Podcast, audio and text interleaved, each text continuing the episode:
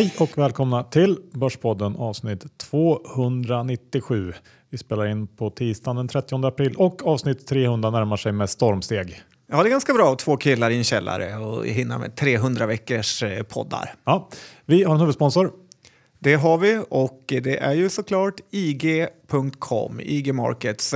Ni känner ju till den härliga mäklarfirman. Jag tycker verkligen att ni ska eh, signa upp er på Erik Hanséns eh, morgonbrev. Det har fått faktiskt väldigt fina recensioner av diverse användare på Twitter och eh, att eh, få ett eh, sånt brev utan kostnad eh, känns ju helt givet. Något jag läser själv varje dag faktiskt. Ja, bara och, signa upp sig. Ja, faktiskt.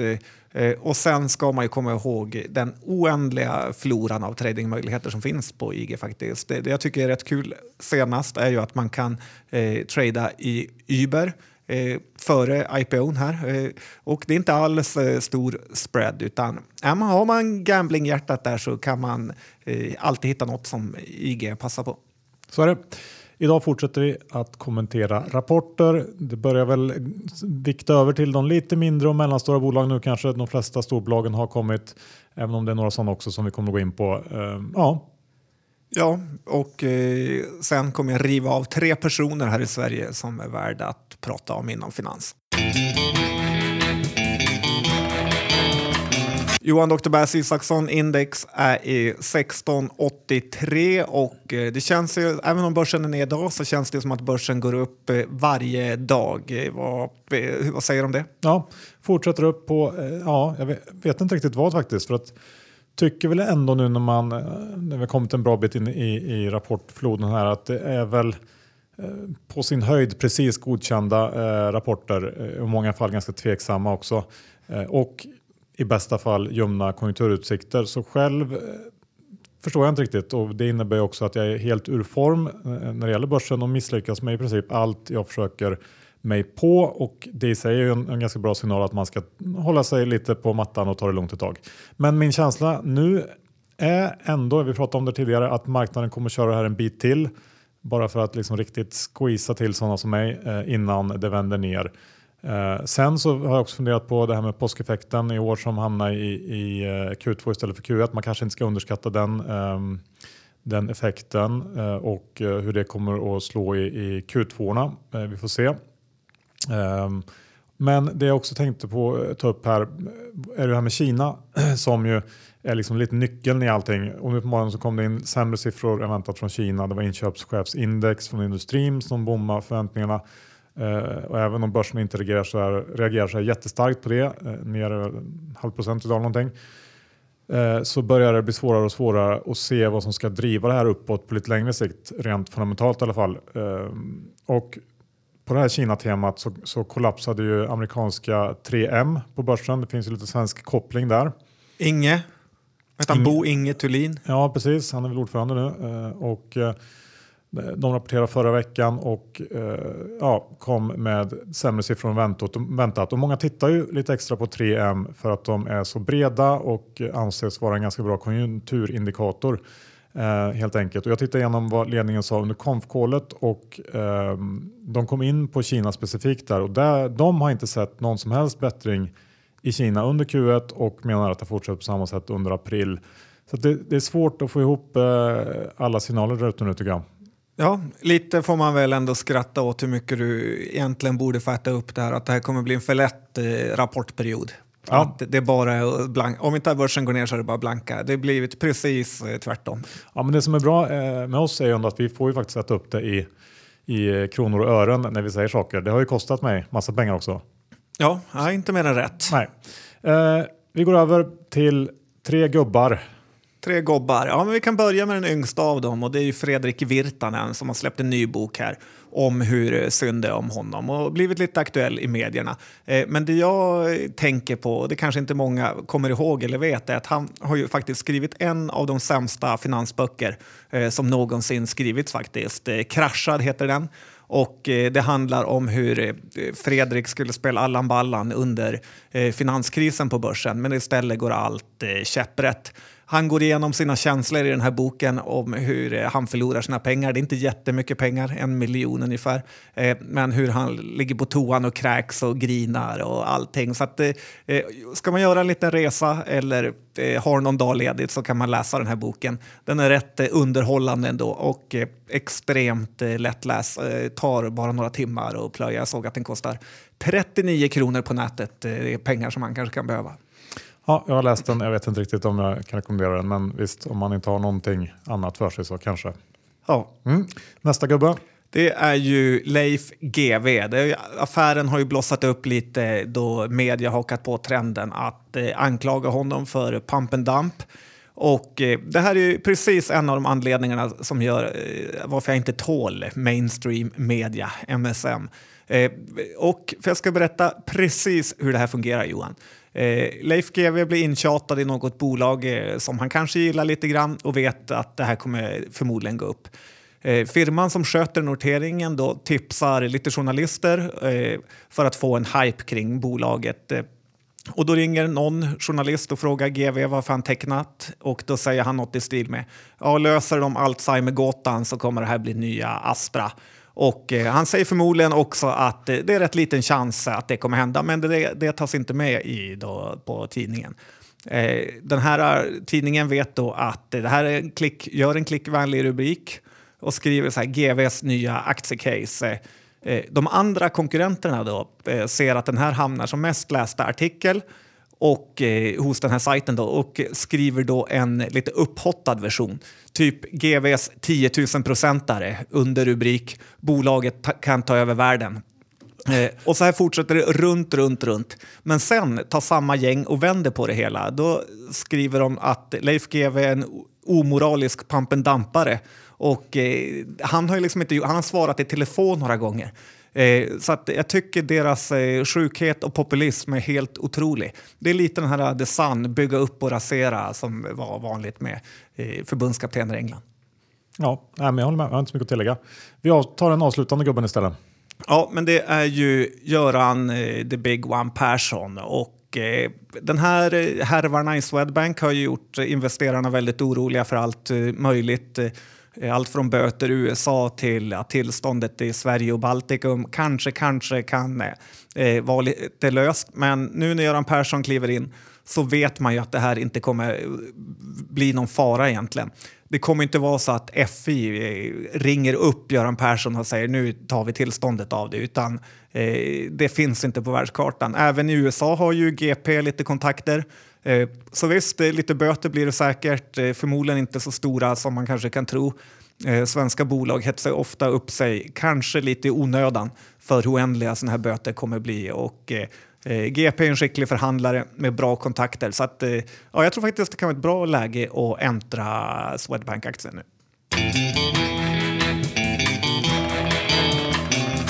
Då är det dags att titta på lite rapporter John. Eh, jag tänkte att vi börjar där det gör som ondast på något sätt. Eh, jag tänker på den kanske starkast lysande stjärnan inom gambling just nu, Evolution Gaming, eh, som vi ja, haft fel i kan man ju säga. Om man De har rätt, ja, rätt snällt sagt. Ja. ja. De kom som väntat in med en stark rapport. Eh, kanske inte eh, stark nog för att motivera det här kurslyftet på, på en bit över 20 procent efter rapporten, men i alla fall 10-12 sånt över vad konsensus räknade med både på omsättning och resultat. Och tittar man lite närmare på siffrorna, det har jag eh, gjort och jag utgår från att de flesta inte har gjort det med tanke på hur, hur mycket aktien har gått, så, så eh, tycker jag ändå att, att um, det blir lite sämre ändå. För över 60 procent av tillväxten kommer från oreglerade fullmarknader och det är väl i grunden ingenting nytt. Men jag vidhåller ändå att det, det, det innebär en stor risk och om man skulle applicera korrekta värderingsmultiplar på de intäktsströmmarna så skulle aktien inte vara i närheten av dagens nivåer. Men jag har ju uppenbarligen en, en helt annan syn än vad börsen har. Um, men vi får ju uh, titt som tätt lite hånfulla kommentarer kring vår uh, berömda veckans aktie när vi rekar sälj på Evo. Uh, kommer du ihåg det? Ja, faktiskt. Jag lyssnade på den häromdagen. Det var ingen, den har inte åldrats bra kan man ju säga. Nej, det, var lite jobbigt. Jag tog också och lyssnade på den. Det är lite jobbigt att lyssna på sånt. Men um, jag vet inte, det är så det är bara med börsen. Och jag tycker ändå att ett av våra argument fortfarande håller ganska bra. Det här med att det är börsens mest sexistiska bolag det borde ju vara nästan ännu mer slagkraftigt i tider som dessa kan jag tycka. Men eh, no, det verkar inte riktigt uh, få fästa. Jag kände som att vi var lite PK på gamla goda. Men eh, eh jag drömde ju natten faktiskt att eh, det var, man stod och filmade massa små roulettebord och jag skulle ringa dig och säga att det hela var en scam. Men eh, Evolution har ju verkligen outperformat eh, oss och eh, Ja, imponerande. Det är ju fortfarande, måste jag ändå säga, svårt att förstå hur att man kan filma blackjack och roulettebord, att det kan få ett, en bolagsvärdering på 25 miljarder. Eh, å andra sidan, så eh, vissa saker ska man bara ge upp när man inte fattar dem. Så är det. Vi går över till någonting som är betydligt enklare att förstå och det är ju Cloetta. Ja, men det är väldigt lätt.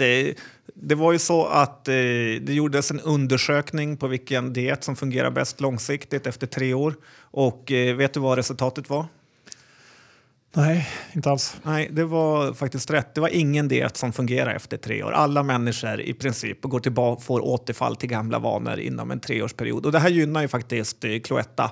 Eh, man kommer ju alltid vilja ha lite så här munchy moments, eh, som Cloetta själv säger det. Och eh, det är ju faktiskt världens sämsta slogan, tycker jag. Det är inte samma person som har kommit på Munchy Moments som kom på god glad kexchoklad, det, vet man i alla fall. Cloetta drog i alla fall till med en ganska bra rapport. Eh, det var inte många som hade förväntat sig det, eh, särskilt inte när påsken låg så sent i det här, i, ja, det här året så att det hamnar i Q2 då. Att mycket av härligheten kommer komma in där i pengaflöde. Bolaget är inte jättedyrt längre efter den här kraftiga nedgången vi haft från kanske 34 till 20, ja, 24, 23 som lägst. Nu är de väl uppe i 28, 29 nästan. Eh, de var också positiva i rapporten, skrev att de skulle höja marginalen. Det gillar ju alltid börsen. Sen har de haft lite problem med lösviktsgodis, eh, vilket är ju en ganska bra pengagenererare vanligtvis med olika kontrakt, bland annat Coop där de först fick det och sen blev av med det. Eh, så att eh, Cloetta har ju ja, i alla fall några fina månader framför sig här. Ja, ja men det var kul ändå. Man gillar ju ändå ett bolag som Cloetta i grunden måste jag säga. Faktiskt. Ja. ja. MSAB eh, tänkte jag säga några ord om. De har gjort det igen. Ett bolag att, du inte gillar i grunden? eller i grunden, i grunden så gillar jag det faktiskt. Men, är det, hur, det är inte krypgrund då, utan långt, långt ner. men, eh, men eh, de har alltså gjort det igen. Det här är bolag som man alltid kan lita på att de fullständigt fuckar sina aktieägare.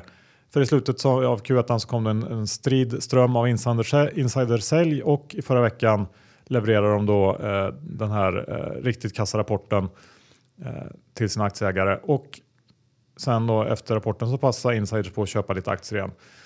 Och Tittar man eh, på MSAB så har ju de som bolag under det senaste året inte alls presterat siffror i linje med vad man kanske tycker att de borde kunna göra.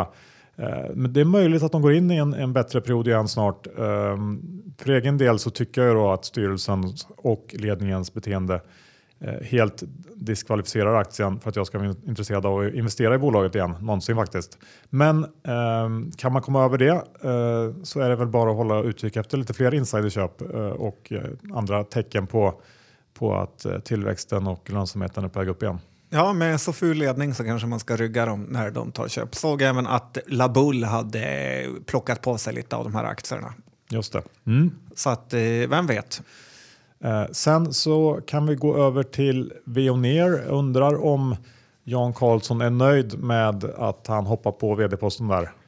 Ja, det tror jag är lite nitlott. Han kanske hängde med i Gardells eh, här. Men det här var ju en riktigt kass eh, rapport faktiskt. Eh, allt var ju dåligt och aktien fick ju faktiskt smaka duktigt också.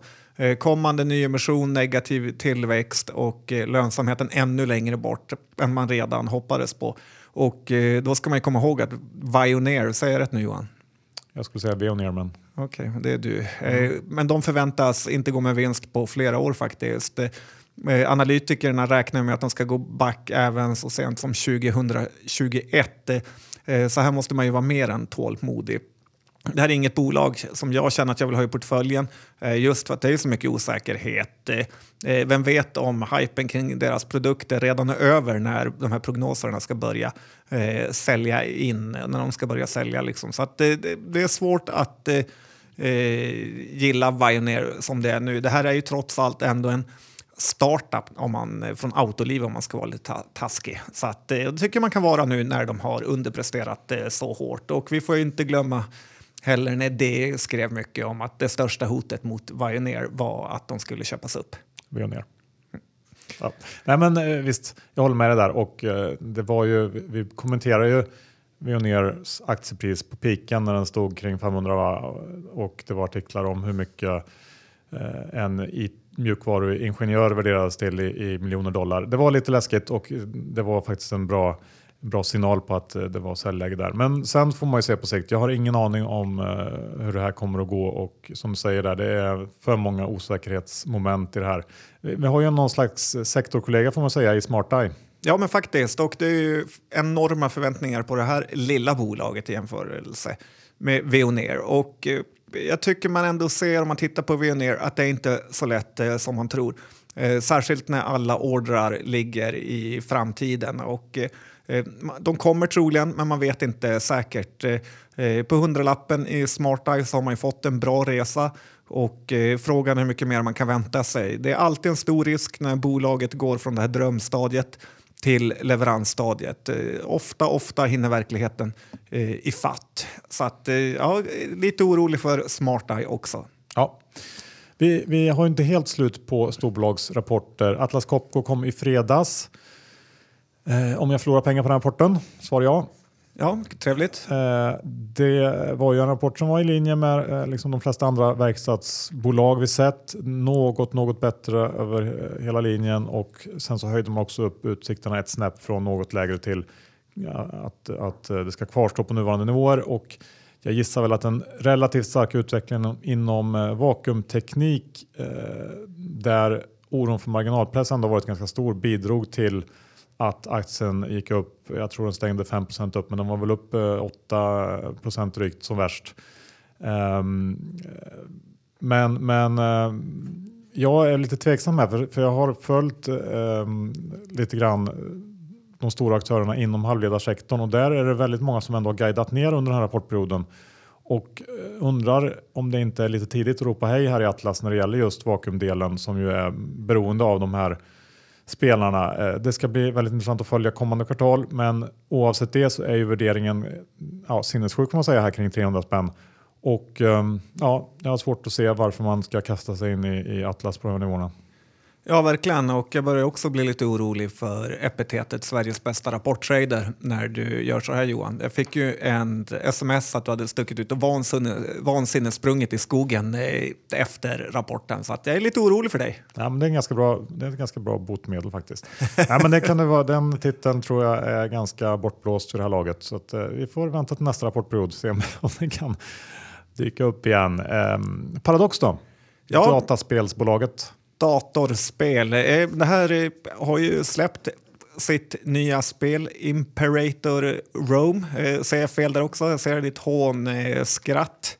Jag, jag har liksom lite gett upp och, och kommenterat dina engelska uttal. Men Kör på, vi förstår alla vad du menar. Ja, det nya spelet om någon inte fattar. Och det har ju fått kolossalt dåliga recensioner på försäljningssajten Steam.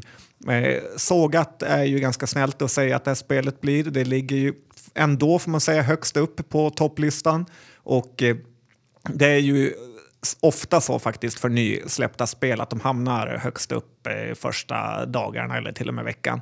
Eh, så att det här känns ju som att det omöjligen kan bli en succé. Eh, sen brukar ju Paradox, det är deras styrka, att de jobbar vidare med ett eh, spel och jag såg att de redan nästa vecka för mig skulle släppa en bugfix för det här spelet. Eh, så att, och de kommer även förbättra spelet under tiden så att det blir roligare att spela. Eh, men ändå, med den här värderingen som Paradox har så väntar man ju sig ändå att de ska rada upp eh, succéer. Många recensioner sa ju att det här spelet är helt ofärdigt och inte alls ett eh, Paradox-spel. Bolaget själva sa att det här har överträffat deras egna förväntningar. Eh, vilket känns lite så här corporate bullshit. Eh, men frågan är ju egentligen om de har överträffat marknadens förväntningar. Och eh, det tror jag nog ändå inte. För frågan är också att eh, till P45 som Paradox går på senaste året här så är det ju inte direkt ett värdecase utan det är väldigt högt värderat och det krävs inte mycket för bakslag. Och, eh, eh rapporten här för mig kommer 14 maj. Då ska vi se om insiderförsäljningarna var rätt eller fel. Ja, men nu är det väl lite upp till bevis här också för alla som, som kör med argumentet att eh, eh Paradox har väldigt starka varumärken och, och liksom en hängiven fanbase och att det är det man betalar så mycket för. Eh, då krävs det också att uh, man levererar i linje med det och att det, det fortsätter att ticka in trots att man kanske gör ett spel som inte riktigt är lika bra som tidigare. Så det blir intressant att följa. Ja, jag är svårt att tro att eh, deras fans köper spelet för att vara snäll med Fredrik Wester och aktieägarna. Ja, det kan man ju tycka. Jag måste också säga några ord om Studsvik som kom med kanske den sämsta rapport som något svenskt, svensk bolag presterat sedan finanskrisen. Den var fullständigt horribel. Eh, man ska i och för sig komma ihåg att det fanns en stor mjukvaruorder i jämförelsekvartalet förra året, men eh, även justerat för det så är den ofattbart dålig och Studsvik har ju nu totalt egentligen kan man säga sumpat det frikort man fick i samband med den här jackpotförsäljningen av avfallshanteringen för något, några år sedan. Um, och här tycker jag att det, det, faller ett enormt stort ansvar på styrelsen som inte har gjort någonting alls egentligen för att få ordning på det här bolaget. Eh, det är bland det värsta jag sett eh, när det gäller styrelsen och jag tycker synd om till exempel Peter Gyllenhammar som har försökt men inte har släppts in. Eh, ja, usch. Ja, men verkligen. Det är ju svårt att förstå hur man bara kan sitta på ett bolag och låta det förfalla. Eh, dåligt gjort av alla inblandade. Så är det. Eh, Car går vi över till. Ja, men här kan vi också prata ett dåligt eh, bolag faktiskt. Det här är ju fallit som ett korthus efter att den gamle vdn håsade upp bolaget och sen eh, slutade dumpade sina aktier. Eh, deras långa avtal har ju visat sig vara riktigt dåliga här i slutet av dem och eh, det som är positivt är att det är bra för oss skattebetalare.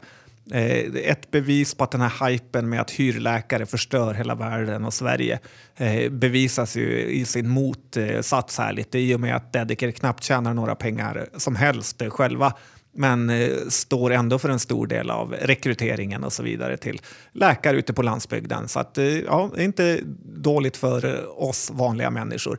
Eh, men om man tittar på NGS och eh, de andra eh, hyrläkarbolagen så känns det som att de måste nischa sig lite mer för att eh, överleva och det försöker de ju, men eh, kanske ännu mer. Och eh, i stort så börjar man förstå att hela den här bemanningsbranschen är rätt dålig att investera i och vara långsiktig investerare. Titta på Polia och ja, Uniflex tidigare. Det är inget shareholder value som levereras här. Det är något bra kvartal, den studsar upp 10-20 procent, men långsiktigt så är det inget att ha i portföljen. Nej, så kanske det kan vara. Ska vi klämma in eh, Midway också när vi ändå håller på med lite mindre bolag?